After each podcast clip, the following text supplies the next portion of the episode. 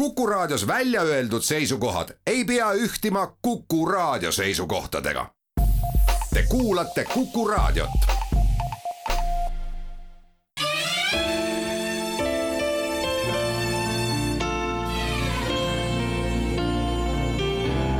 nädala raamat. Juhan Maiste Eesti mõisad ja lossid, aadlikultuuri seitse aastasada, kirjastuselt Varrak head Kuku kuulajad, selle nädala raamatuks on meil Juhan Maiste kirjutatud Eesti mõisad ja lossid kirjastuselt Marrak sel aastal välja tulnud ja selle raamatu esimene osa. Juhan Maiste on meil ka täna ja sel nädalal üldse stuudios külas ja mina, Marek Strandberg, saatejuht, saangi temaga vestelda sellest samast raamatust, aga mitte ainult, vaid mõisate ja losside rollist üleüldse nii Eestis kui laiemalt. tere, Juhan! tere, rõõm sinuga kohtuda! raamat on iseenesest, ma mõtlengi just seda, et ähm, esimene osa. mõisate üle on sul kirjatükke ja raamatuid, ma isegi ei mäleta, kui palju neid loendub ikkagi neli-viis tükki vähemalt. umbes täpselt. umbes täpselt, neli-viis tükki. esimene osa, kui palju neid plaanis on, sellepärast et selles raamatus on nii-öelda tõepoolest vaid üks osa Eestis olevatest lossidest ja mõisatest kirjeldatud. see on saladus. see on saladus? seda ei tahakski nagu kohe eetrisse tuua, juba sellepärast, et et noh, mõttes on kolm osa, aga ma kardan, et kas mahub kolme raamatu sisse ära ja vot see on nüüd saladus, mida Varrak teada ei tohi. et kui me jõuame kolmandani, siis me võime mõtelda, et kuidas, kas lugeja on väsinud, kuidas Varrakul on need võimalused ja, ja kas ma, kas ma ise olemas olen. aga no nii hull see ei ole, et ma ikkagi nüüd, kui seda aega näitab natuke teisi asimuute, siis ma loodan, et ma saan rohkem tegeleda, taaskorra rohkem tegeleda mõisatega. ma saan aru, et Tartu Ülikoolis selle aastaga paned sa oma nii-öelda kunstiajaloo õppejõu ameti maha?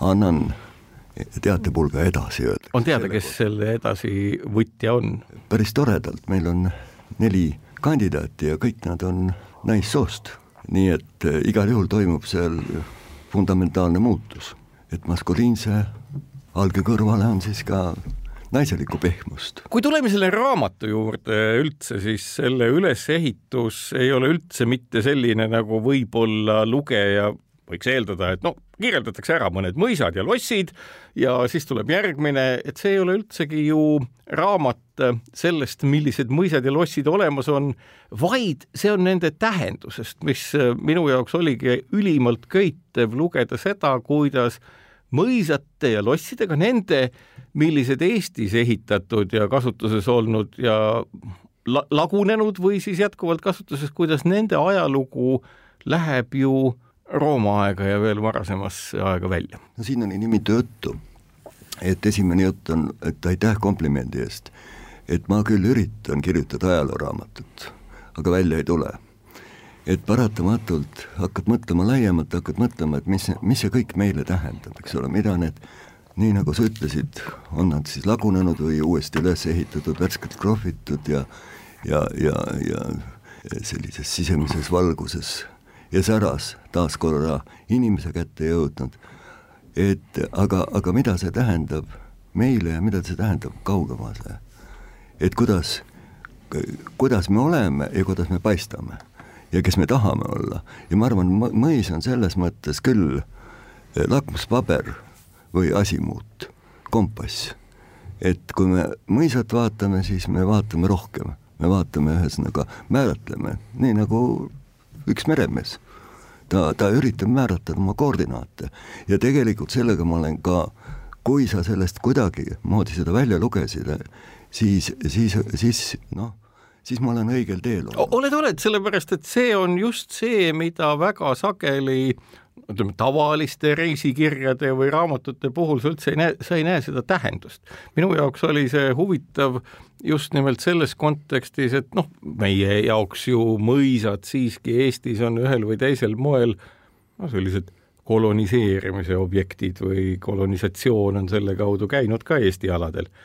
aga see on ikkagi tegevuse toomine, et noh, me ei saa öelda, et see on lõpmatult halb või hea ja halb ei ole üldse selle kohta käiv. siia on toodud teine kultuur, teine tegevus ja ma ei ole päris kindel, kas see on olnud nii-öelda nii lõpmatult vägivaldne, et meil on põhjust kõneleda, noh, mida aina vähem tehakse, mingist seitsmesaja aastasest orjapõlvest, aga teatud nagu asjaajamiskultuur on tulnud ju kõikide nende hoonetega ka ju siia.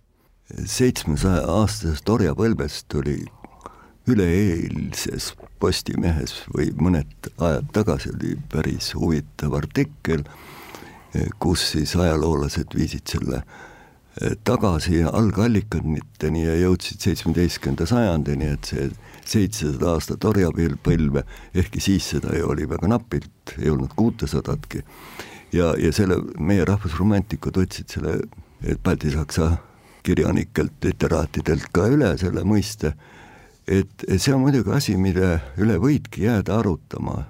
aga ma arvan, et me ei ole nii väga eripalgelised, no võrreldes võib-olla Soome või Rootsiga, seal on alati kuidagi see ühiskonna sidusus olnud teistsugune. aga Euroopa on Euroopa, lihtsalt võib-olla mõned asjad pendlivõlkel jõuavad meil natukene hiljem ja nii ka siis on sellesama orjapõlvega või pärisorjusega ja lõppude lõpuks ega ajaloolased tänaseni ei ole kokku leppinud, kunas siis see pärisorjus siis meile siis kehtestatakse ja kunas on see algusdaatum, et ma ise arvan, et, et et kõige sügavam orjaöö, kui tohib nii kirjeldada, algab ikka pärast Põhjasõda. ja, ja need eelmised on üsna, eelmised ajastud, perioodid, need kolonisatsioonid, mida nad kahtlemata ka olid, on ikkagi teatavas sünkroonis ümberkaudse maailmaga. et vaata, nii nagu me kõik ju hästi teame, nii nagu sina tead, õiglust siin maailmas on harva leida ja see moment, kus kõik oleks tasakaalus, see ettekujutuslik utoopiline demokraatia, mille, milles me täna elame ja noh, tõesti, ega paremat on raske välja mõtelda. aga, aga, aga seda ei ole ju jagunud läbi aegade ja läbi ürgühiskonnast alguse saanud, eks ole, ambitsioonide ja, ja paratamatult ühiskond on, eks ole, stratigraafiline ja et see meil oli, see ülemkiht oli saksakeelne või mingitel perioodidel natuke rootsikeelne ja, ja õige pisut venekeelne, siis see on noh, globaalne nähtus, see on laiaulatuslik nähtus. Et muidugi, kui me läheme tagasi siin mingisse kaheksateistkümnenda sajandi valgustajate kirjatööde juurde ja võtame siin Merkeli või Petri või Jannau või keda iganes, eks ole, siis nad hea meelega võrdlesid seda, ütleme, neegerorjade rõhumisega kusagil Aafrikas või, või ka, või ka siis Ameerika konas-, koloniseerimisega ja nii edasi ja nii edasi, aga ma arvan, et iga, iga kant on natukene erinev. no midagi samasugust ju nagu me orjapidamises ja orjakaubanduses näeme, noh, Eesti aladel tõenäoliselt nii massiliselt, no kindlasti on siin ka muistsetes ühiskondades olnud orjade võtmist ja vahetamist ja kõike muud, aga mis need mõisate ja lossidega seondub, on ju see, et tegelikult toodi äh, mõisatega Eestisse teatud tüüpi majandustegevus ja kultuuriline tegevus, mis hakkasidki vaikselt keerlema nende samade raskuskeskmete ümber, mis need ju lossid ja mõisad olid. eks loomulikult uus kiht kujunes vana kihi peale ja kuidas need omavahelised suhted täpselt ka olid, eks ole, alati küsimus, kes oli meie maavanem Lembitu, eks ole, kas ta oli varakas mees, ta oli siin teatava põi-, piirkonna külavanem või, või, või oli ta siis juba nii-öelda varafeodaalsest vaimust kantud, kogu see tema majapidamine, need on kõik hästi, hästi keerulised küsimused ajaloolastele ja mina ei ole ka see, kes oskaks sulle kõigile nendele vastata.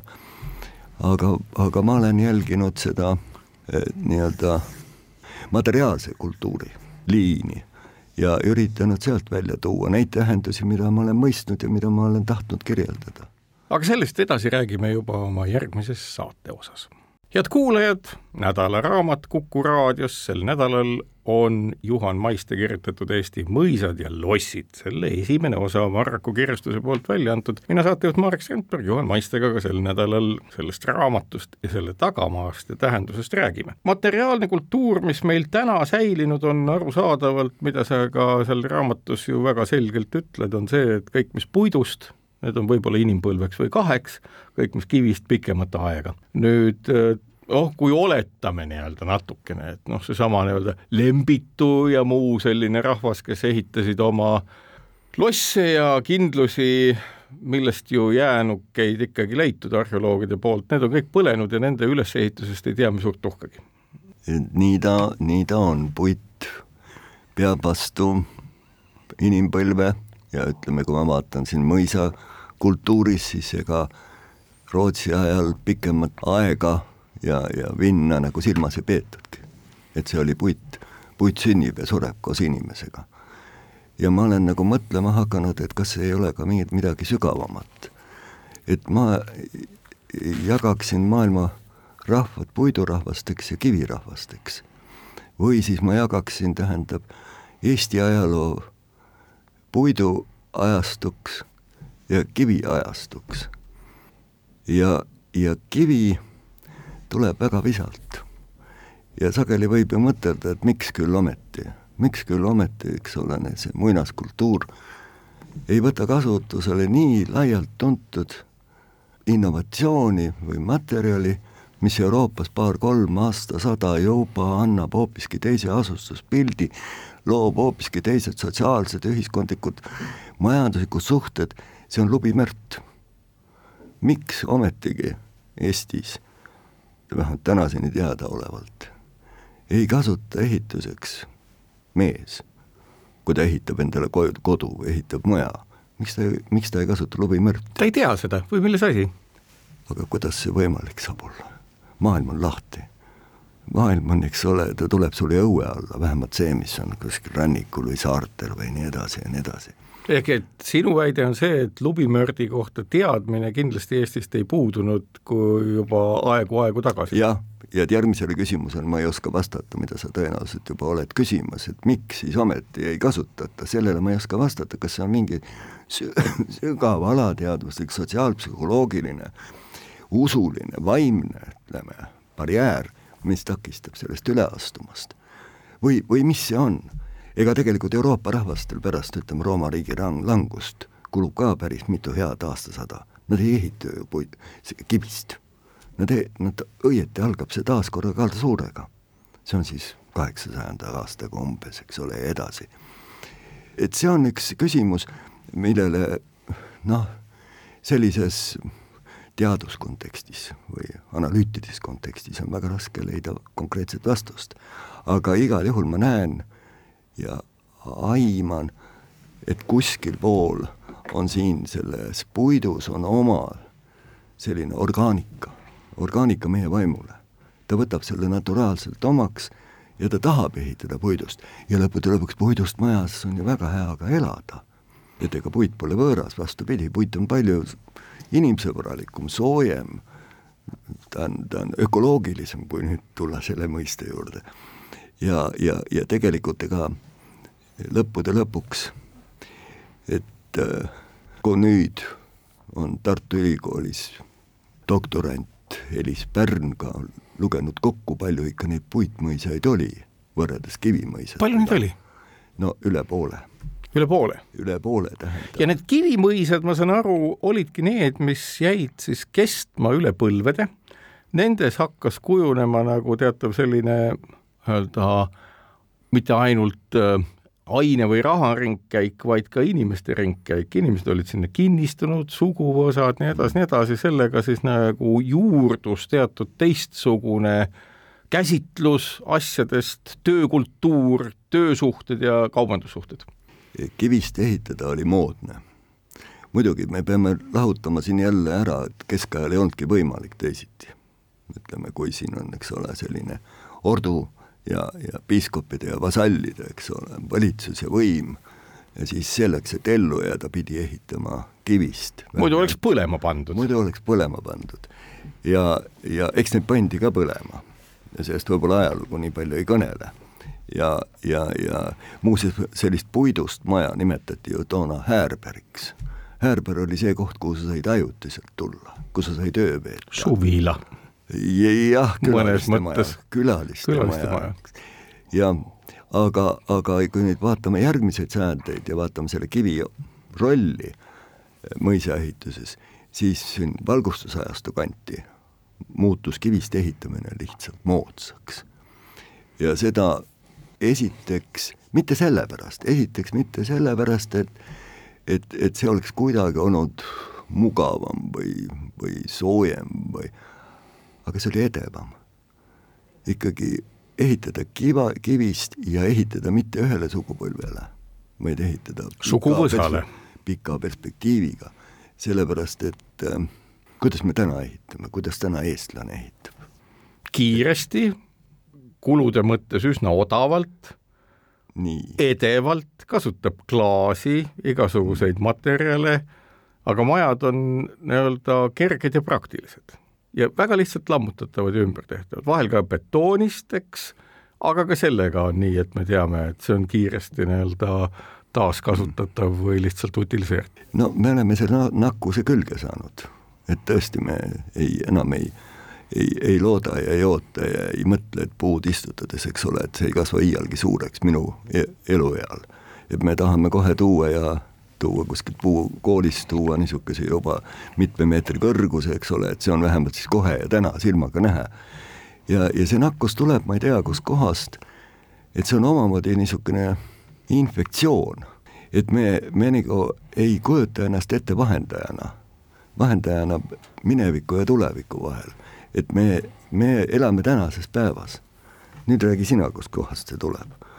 ma ei oska öelda, see tuleb äh kaduvusest, sellepärast et äh, teatakse, et aeg-ajalt käivad küll sõjad, küll muud asjad üle, mida me ka Ukrainas näeme, nagu ebamäärasus, ebakindlus, noh, nii-öelda me ei tea, kui pikalt meid on ja selle tõttu me ka ei ehita väga püsivalt. jah, ma ütleksin siia, siia juurde lihtsalt, et see on see juuretus. et me oleme täna siin, homme seal, täna, täna on meil ametikoht ja stuudio on Hongkongis, homme on äh, LA-s või või ülehomme Tallinnas, me oleme väga kergesti liigutatavad. et meil see kodu mõiste, see püsivus ja staatilisus ja, ja, ja, ja gravitatsioon, mis nüüd inglast tänaseni iseloomustab, eks ole, temal on esivanemate majas eh, kaheksateistkümnendast sajandist pildid või vaata et mõni varem, vanem ja nad on seal rippunud ja nad on seal tolmunud. ja kui sa lähed kuskile Inglismaa äh, provintsi hotelli, siis sa näed ka pilte seinal, mis noh, olen täiesti... käinud, olen käinud ja no. tõepoolest kinnitust leiab see, mis sa ütled, täpselt, täpselt. ja, ja lauahõbedast rääkimata ja nii edasi need on need traditsioonid. ja mis nüüd see on sellest telje pealt ära viinud, neid põhjuseid võib muidugi siin jäädagi loendama, aga see ei ole nüüd enam niivõrd mõisa teema, vaid see on, see on küsimus, eks ole, et me elame hoopiski teistsuguse virtuaalmaailmas, eks ole. et meie väärtused on kuskil mujal ja, ja selline staatilisus ja, ja staatilisus ka selle puu juure osas, mis mu vanaisa istutas. et see on nagu kaduma läinud ja ma küsin, et kui palju me oleme kaotanud ja kui palju me oleme võitnud, ma ei taha siin kuidagi esineda mingi reak-, reaktsioonilise vana ätina, sellise no. ei, aga absoluutselt see ei kostugi sellisena. ei kostu, no jumal ei, ei, ei, see ei kostu. aga edasi räägime juba järgmises saate osas head kuulajad, Kuku selle nädala raamat, Juhan Maiste kirjutatud Eesti mõisad ja lossid, esimene osa sellest raamatust Varraku poolt välja antud. mina, Marek Strandberg, saatejuht, räägingi Juhan Maistega sellest raamatust ja õigemini selle raamatu taustadest ja tähendusest, mis on väga põnev. kui ma lugesin seda, siis mulle hakkas kangastuma kõikide nende arhitektuursete tegevustega, eelmises saate osas sa ka kirjeldasid just nimelt sellist nagu püsiva sillapea loomist, miks ka hakati kasutama kivist ehitamist ja mis meil natukene nagu puudu on võib-olla tänasel päeval, siis mulle kangastus nagu see, et mõisad või ka lossid nagu muiste olid umbes nagu tänasel hetkel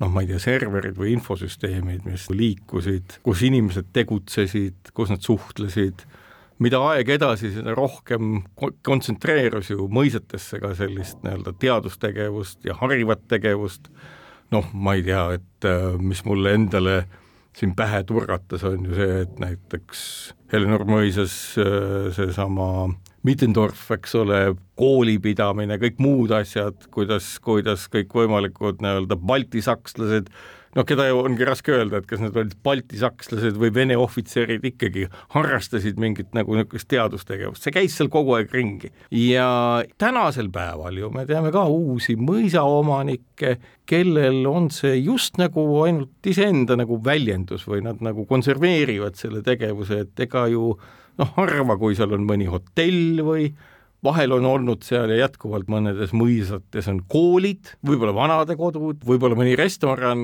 aga pigem on nad ikkagi nii-öelda selle uue peremehe sellised manifestatsioonikohad. Või kuidas nendega on? et on vanad peremehed ja uued peremehed. Ja kui me räägime traditsioonidest siin ja meie maal Eestis, siis muidugi koolid on väga head hoonete valdajad mõisakoolid on, mõisakoolid on hästi vahvad, sellepärast et inimesed, kes on pärit või noh, kasvanud mõisakoolis või õppinud seal, nendel on väga selline helge tunne selle koha suhtes. et äh, tänaseni küsida inimeste käest, kust ta pärit on siis ta sageli vastab, et ta on sellest või teisest mõisast, seepärast et ta on seal koolis käinud või oli selles mõisas mingi koloosikeskus näiteks, ka selle järgi oma identiteeti määratleb, nii et mõisad on tänaseni kuidagi kaardil ja olemas ja alles. ja ka kultuuris, peas, teadvuses. teadvuses ja võib-olla alateadvuses isegi rohkem, sest teadlikult me oleme üritanud neid nüüd varsti sada aastat, eks ole, kuidagi eirata või või, või neist mööda vaadata või leida neile mingi vabandus, eks ole, kas või see balti-saksa kultuuri näol, mida me ka nagu üritame kogu aeg välja vabandada. et äh, mõtlemata, et see on ju samasugune loomulik elu osa olnud meile kui midagi muud. aga selle sinu küsimuse teise poole juurde tulles, et kes need on uued mehed, et ühelt poolt ma imetlen neid kes tulevad ja võtavad ja käärivad käised üles ja võtavad selle tohutu töö. kui ei ole päris orjasid ja ei ole Vene turgu, kuhu saab, eks ole, kõik selle ülejäägi noh, valutult ära realiseerida, mis mõis tootis, kui ei ole mõisa tootmist. kõik see on ju üks, ainult üks selline imelill. see on ju taim, mis on istutatud paesele pinnale nii nagu terve see meie mõis, mõisakultuur, mis iganes ta ja kunas ta on kujunenud. ja, ja tuleb ja, ja, ja alustab ja algab ja ma sageli mõtlen, mis selle, olen mõelnud, mis selle mehe peas küll toimub. aga mis on, toimub? mul on tast kahju, esiteks sest et kas ta ikka täpselt kujutab ette, millega ta nüüd riskib ja millega ta alustab ja eriti hea meel on siis tõdeda neid kohtasid, kust asi on õnneks läinud või peaaegu et õnneks läinud. noh, mul lihtsalt praegu meenub näiteks Purdi mõis või Neeruti mõis või siit või ja, ja ega ma neid motiive nii väga leida ei oskagi. et see motiiv on minu meelest on see teenida ilu, on üks. ja teenida ilu, see tähendab teenida tõde ja teiselt poolt, et teenida sedasama inimest. Ja teenida inimest te,, sellega me teenime midagi suuremat, teenime filosoofiat, teenime inimkonda. et see on üks osa meie inimeseks olemisest. ja mitte kõik inimesed ei, ei saa kunstiajaloolasteks. et on see hea või on see halb, osa peavad tõesti ka midagi praktilist tegema ja, ja, ja, ja kui see sümbioos tekib siin sellise oskuste, et äh, mõtte äh, väljade ja, ja, ja siis selle filantroopilise ilu igatsuse vahel. et, et see on niivõrd õnnelik kombinatsioon, et mina, mina väga vahenditult ja, ja väga siiralt soovin neile inimestele, kes mõisa endale võtavad, jõudu ja jaksu ja ja, ja see on sedavõrd suur ja hinnatav ülesanne, millega nad jätavad mällu. ja võib-olla on see ka nende üks alateadvuslik tahe või kavatsus. nad jätavad märgid ja nad loovad uusi märke. Nad taastavad neid energiaväljasid, mis kunagi on olnud. et kui kõik oleks läinud nii, nagu ta oleks võinud minna, siis me elaksime täna Dendro pargis et kui vaadata, kuidas see mõis, eks ole, maastikusse välja sirutas, kuidas need puiesteed ühendasid ühte paika teisega ja nii edasi, see oli terve võrgustik, mis oli laotatud kui palju, ma mõtlen seda, kui palju Eesti mõisates nii-öelda siis kopeeriti seda maastikukultuuri, mis muutus mingil hetkel, ma saan aru, Inglismaal või Suurbritannias laiemalt nagu levinuks, kus nagu mitte ei ehitatud kõike ümber, vaid jäeti mingid vaated ja asjad, et kas, kas see, mida me Eesti mõisates üsna sageli näeme, on kuidagi sealt kopeerunud?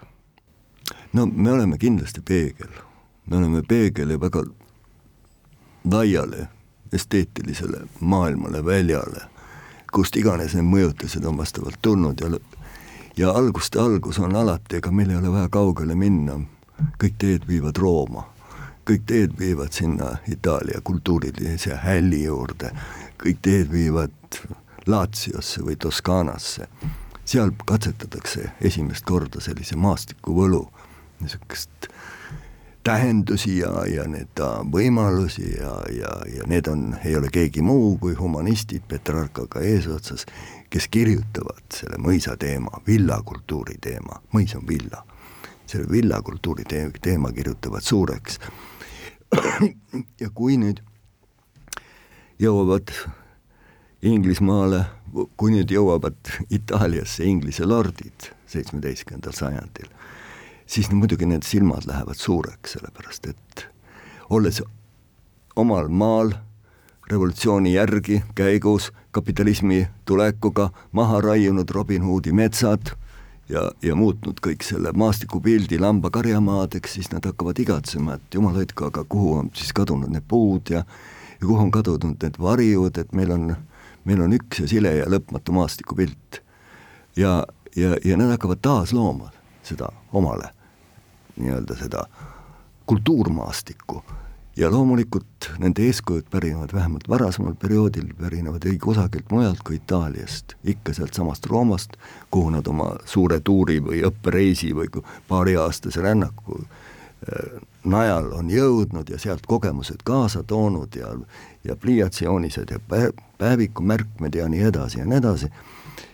ja, ja, ja kaheksateistkümnenda sajandi alguses algabki Inglismaal suur niisugune loodusrevolutsioon, hortikulturaalne revolutsioon, kus tõesti äh, aiandus kujuneb arhitektuuri vahetuks kaaslaseks. just, aga sellest räägime edasi juba oma järgmises saate osas head kuulajad, Kuku selle nädala raamat Juhan Maiste Eesti mõisad ja lossid, esimene osa Varraku kirjastuse poolt välja antud sel aastal. Juhan Maiste meil saates külas, mina saatejuht Marek Strandberg ja üle-eelmises saate osas kõnelesid sa sellest, et äh, küsimus, et miks me ei tule tagasi, miks me oleme nii kosmopoliitsed ja nii edasi, nii edasi, et miks me ei loo midagi püsivat, miks me ei loo püsivat elukeskkonda, mõtlesin siin selle eelmise saateosa ajal just äh, selle peale, et miks siis see ei ole nii. ja kummalisel moel on ju see, et kui me hakkame mõtlema nagu, võtame näiteks kas või Tallinna vanalinna või üldse vanalinnad, mis kivist tehtud,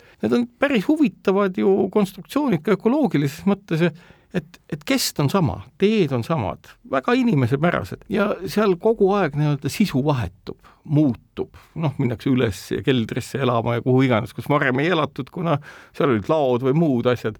Ja selline nii-öelda püsiva kesta tekitamine. ja sinna tagasiminek on ju küsimus ikkagi keeles ja kultuuris eestlane ju oma olemuses. Saab tagasi minna ja olla seal, kus tema eesti keeles kirjeldatud suhted ja asjad on ära räägitud, noh et ta ei ole ju kosmopoliit keele mõttes, tema keel on natuke, meie keel on natukene teistmoodi. Inglise keele rääkija võib tõepoolest tunda ennast äh, kodus, eks ole, tuhandete kilomeetrite distantsi peal.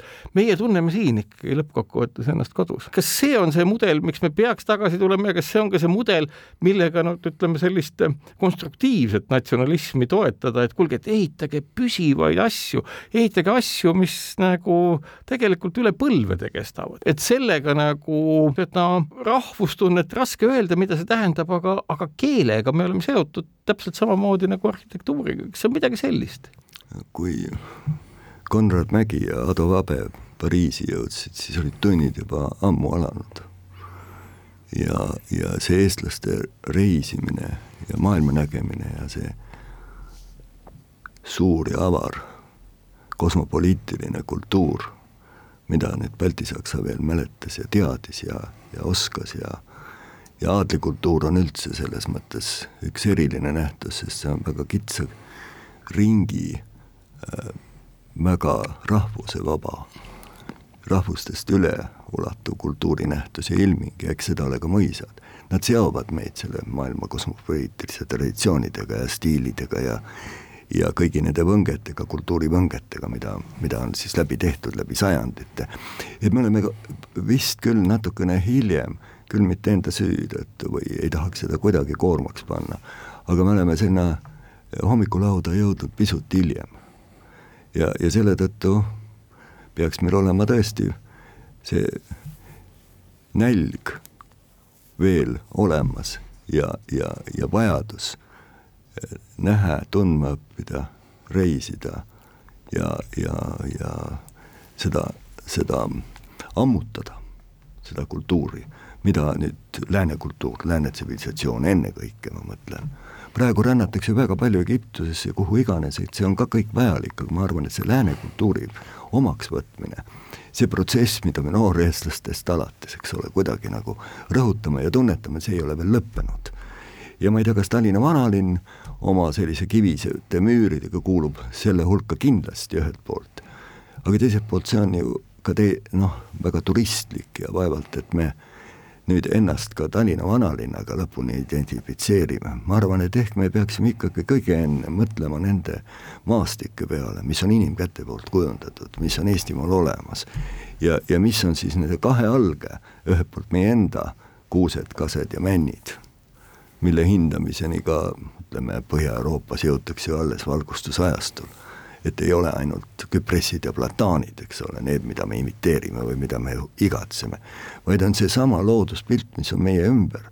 et selle rahvusliku kultuuri juurteni, mis ei olegi ju nii palju erinev, ütleme visuaalses mõttes kui Saksamaal või Rootsis või kuskil mujal, et, et, et selleni jõudmine ja tajumine, et jaa, see, me ei pea ühele ega teisele poole äh, ei ütlema ja me ei pea selga keerama, me peame ta võtma omaks, nii nagu sellesama hommikuse apelsinimahla, mida me, mida me toidu juurde joome ja kohvitassi, eks ole, et see on kõik nii loomulik.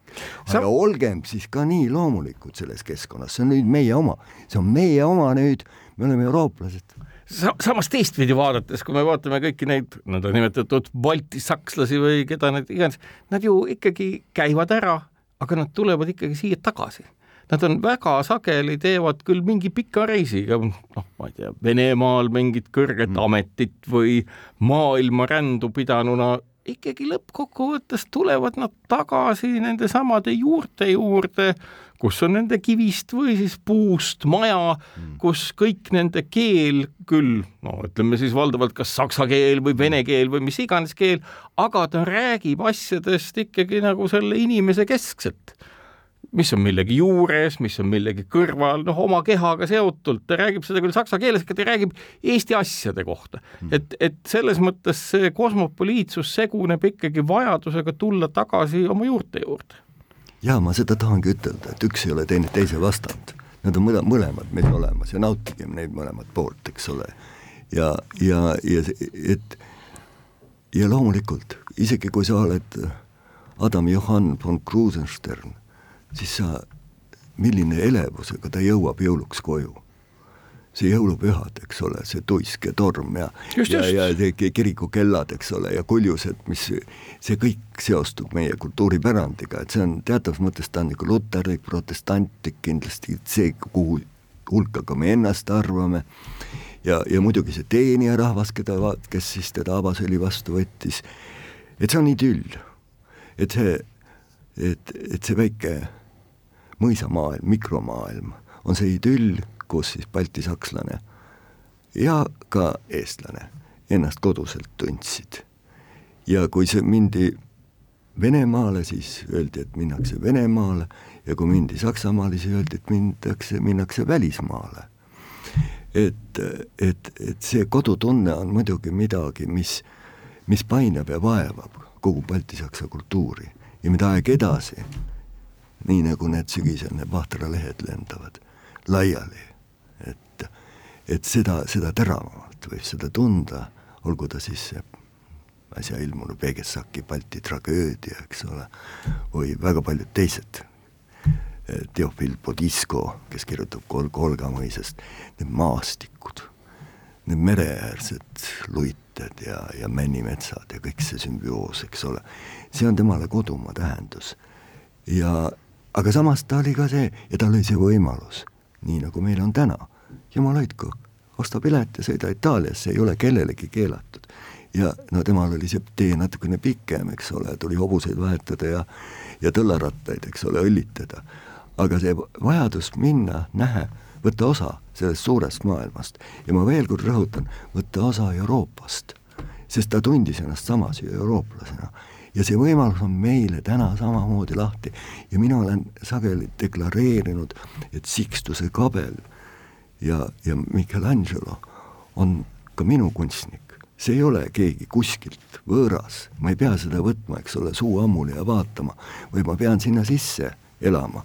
ja ehkki ma olen võib-olla sinna hommikulauda kolm minutit hiljaks jäänud, aga see kõik laud on kõigile meile kaetud.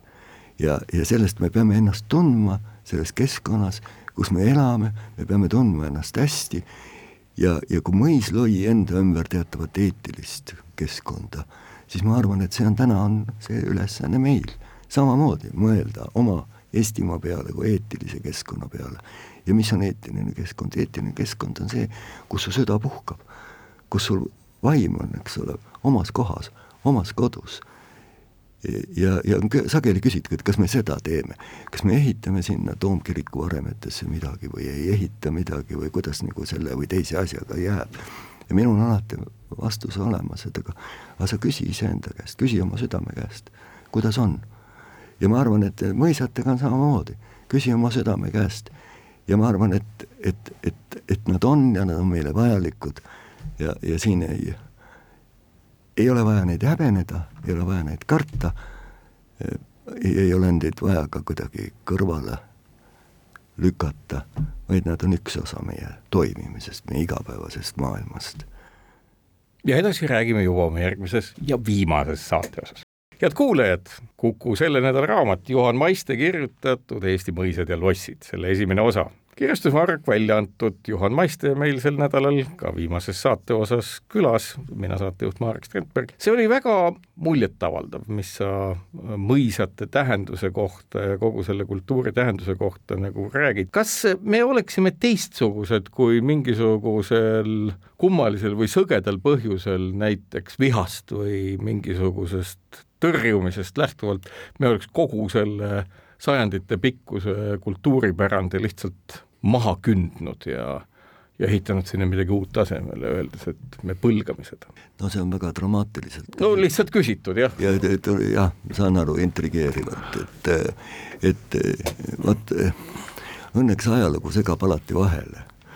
Ükskõik, nii on vist läinud, jah. jah, ükskõik kuidas pidi me ka ise nagu seda asja ei mõtesta või ei mõtle või ei laula, eks ole, mõisad põlevad, saksad surevad ja nii edasi, siis see oli siiski üks väga väike käputäis inimesi kes arvas nii, et parem on ilma mõisateta, parem on ilma nende parunite päranduseta.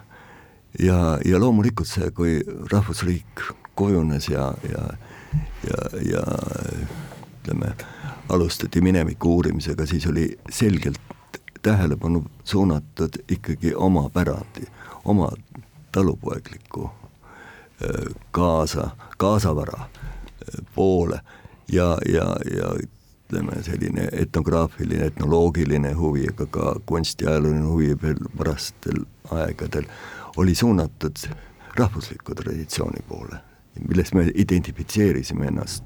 märkamata, märkamata siis seda, et tegelikult ju ka see rahvuskultuur või nii-öelda talupoeglik olemus oli ju tegelikult nagu selle mõisa gravitatsiooniväljas tiirlemise tulemusena tekkinud. Seal kokku kleepunud erinevatest asjadest ja see, see ei olnud nagu nii ühepoolne nähtus nimega talukultuur, et see oli ikkagi ju keerukam ja vastupidi. ja vastupidi, jah. et kui mõtelda, kui palju oli näiteks mõisates, kui vaatad neid mõisa inventaariume üheksateistkümnendast sajandist, kui palju oli näiteks saunasid.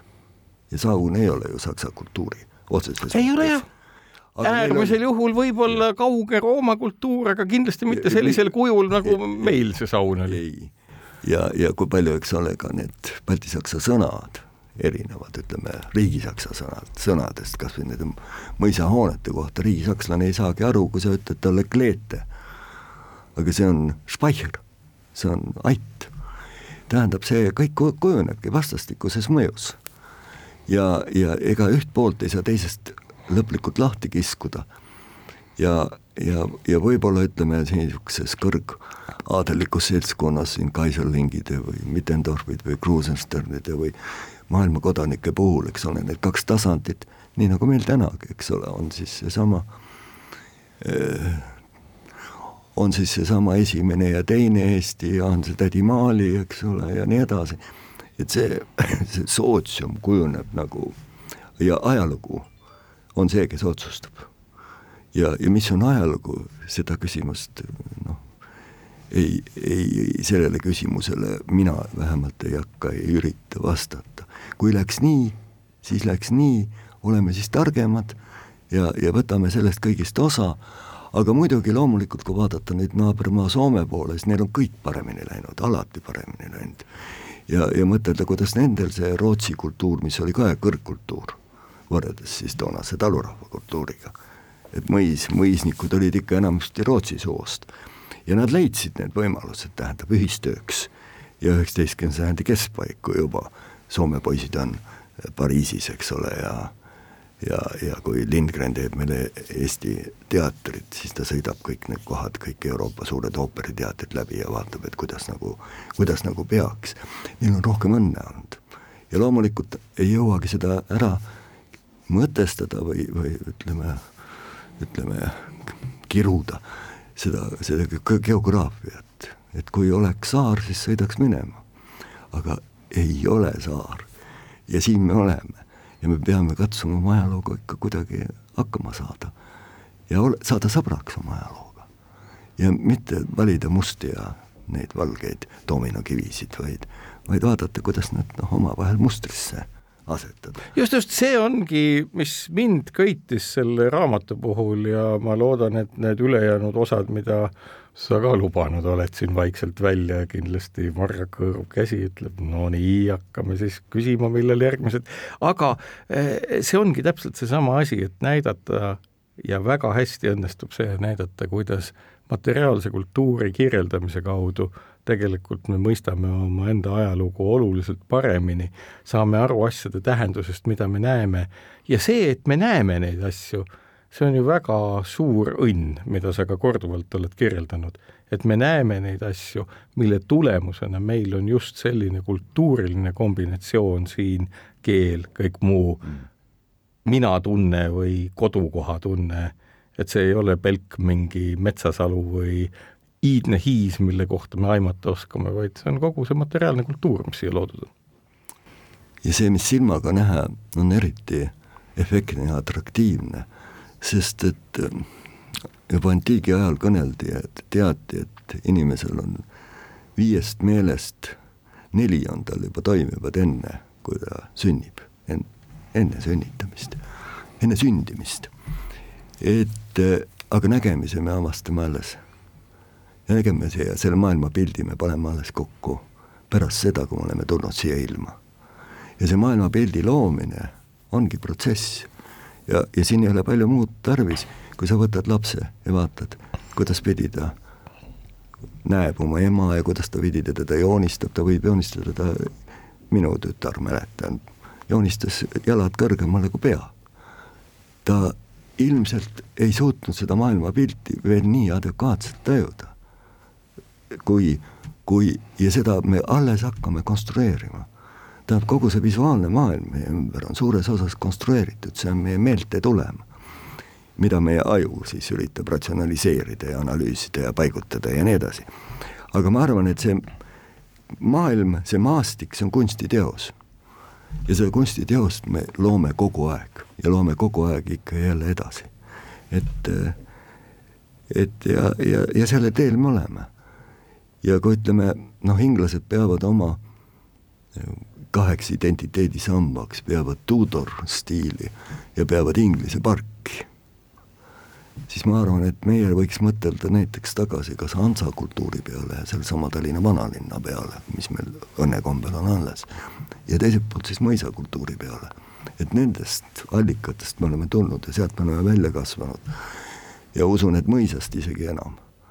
et mõisast on meil väga palju õppida ja seda pilti on meil ja seda kolaaži on meil veel võimalik lõputult kokku panna ja kui on küsitud, kuule, et Juhan, et sa oled neli-viis mõisaraamatut kirjutanud, et kas sul nagu juba nagu küll ei saa. küll ei saa. ei, minu meelest ma olen varasemaid vaadanud, eh, noh, mitte nii põhjalikult, seda väga põhjalikult ja mulle tundub, et need lähevad aina paremaks. see on ka üks suur kompliment, tavaliselt läheb, eks ole, kõik ju läheb juba mingist ajast hakkab ju allamäge minema. kordusi ei ole, mulle tundub, et seal on järjest rohkem seoseid, mis ma usun, et igale lugejale pakub aina rohkem ja rohkem põnevust, kes ka su varasemaid raamatuid ilmselt on põhjalikumalt lugenud kui mina siin. aga need seosed, mis sealt, millest me sel nädalal ka rääkinud oleme, on väga huvitavad. aga sellega on nii, et mina ei taha kogu mõtet ja mõisa mõtet monopoliseerida. Tegelikult on see täpselt samamoodi ka inimestega minu ümber et kui ma nendega kohtun kuskil, noh, kas peaasjalikult juhuslikult kuskil mõisa alleel, siis ma näen, kui palju nad on vahepeal edasi uurinud. et see on suur huvi, mis ütleme, mõisates ja, ja nende, kas nad on õpetajad või mõisaomanikud või kohalikud või kes iganes, mida nad kõik teavad ja kui uhked nad selle peale on. Ja siis ma katsun tagasihoidlikult taga, tahaplaanile kuidagi nihkuda, et jumal hoidku, et et, et, et igalühel on oma mõisapilt. ja, ja seda mina ei saa nagu kuidagi enda nimele kirjutada ega tahagi enda nimele kirjutada ja tegelikult kes ka seda raamatut loeb, võtku seda täitsa rahulikult ja mingu edasi. nii ongi, aitäh, Juhan Maiste. ja see oligi selle nädala raamat Eesti mõisad ja lossid. Lugege, vaadake, milline ettekujutus teil tekib seal on ka mõned lossid veel ära toodud ja kirjeldatud neid detailsemalt, järgmistesse osadesse jagub neid ilmselt rohkemgi. ja sellega on kõik, head lugemist, head vaatamist, head mõtlemist ja kaunist päeva teile!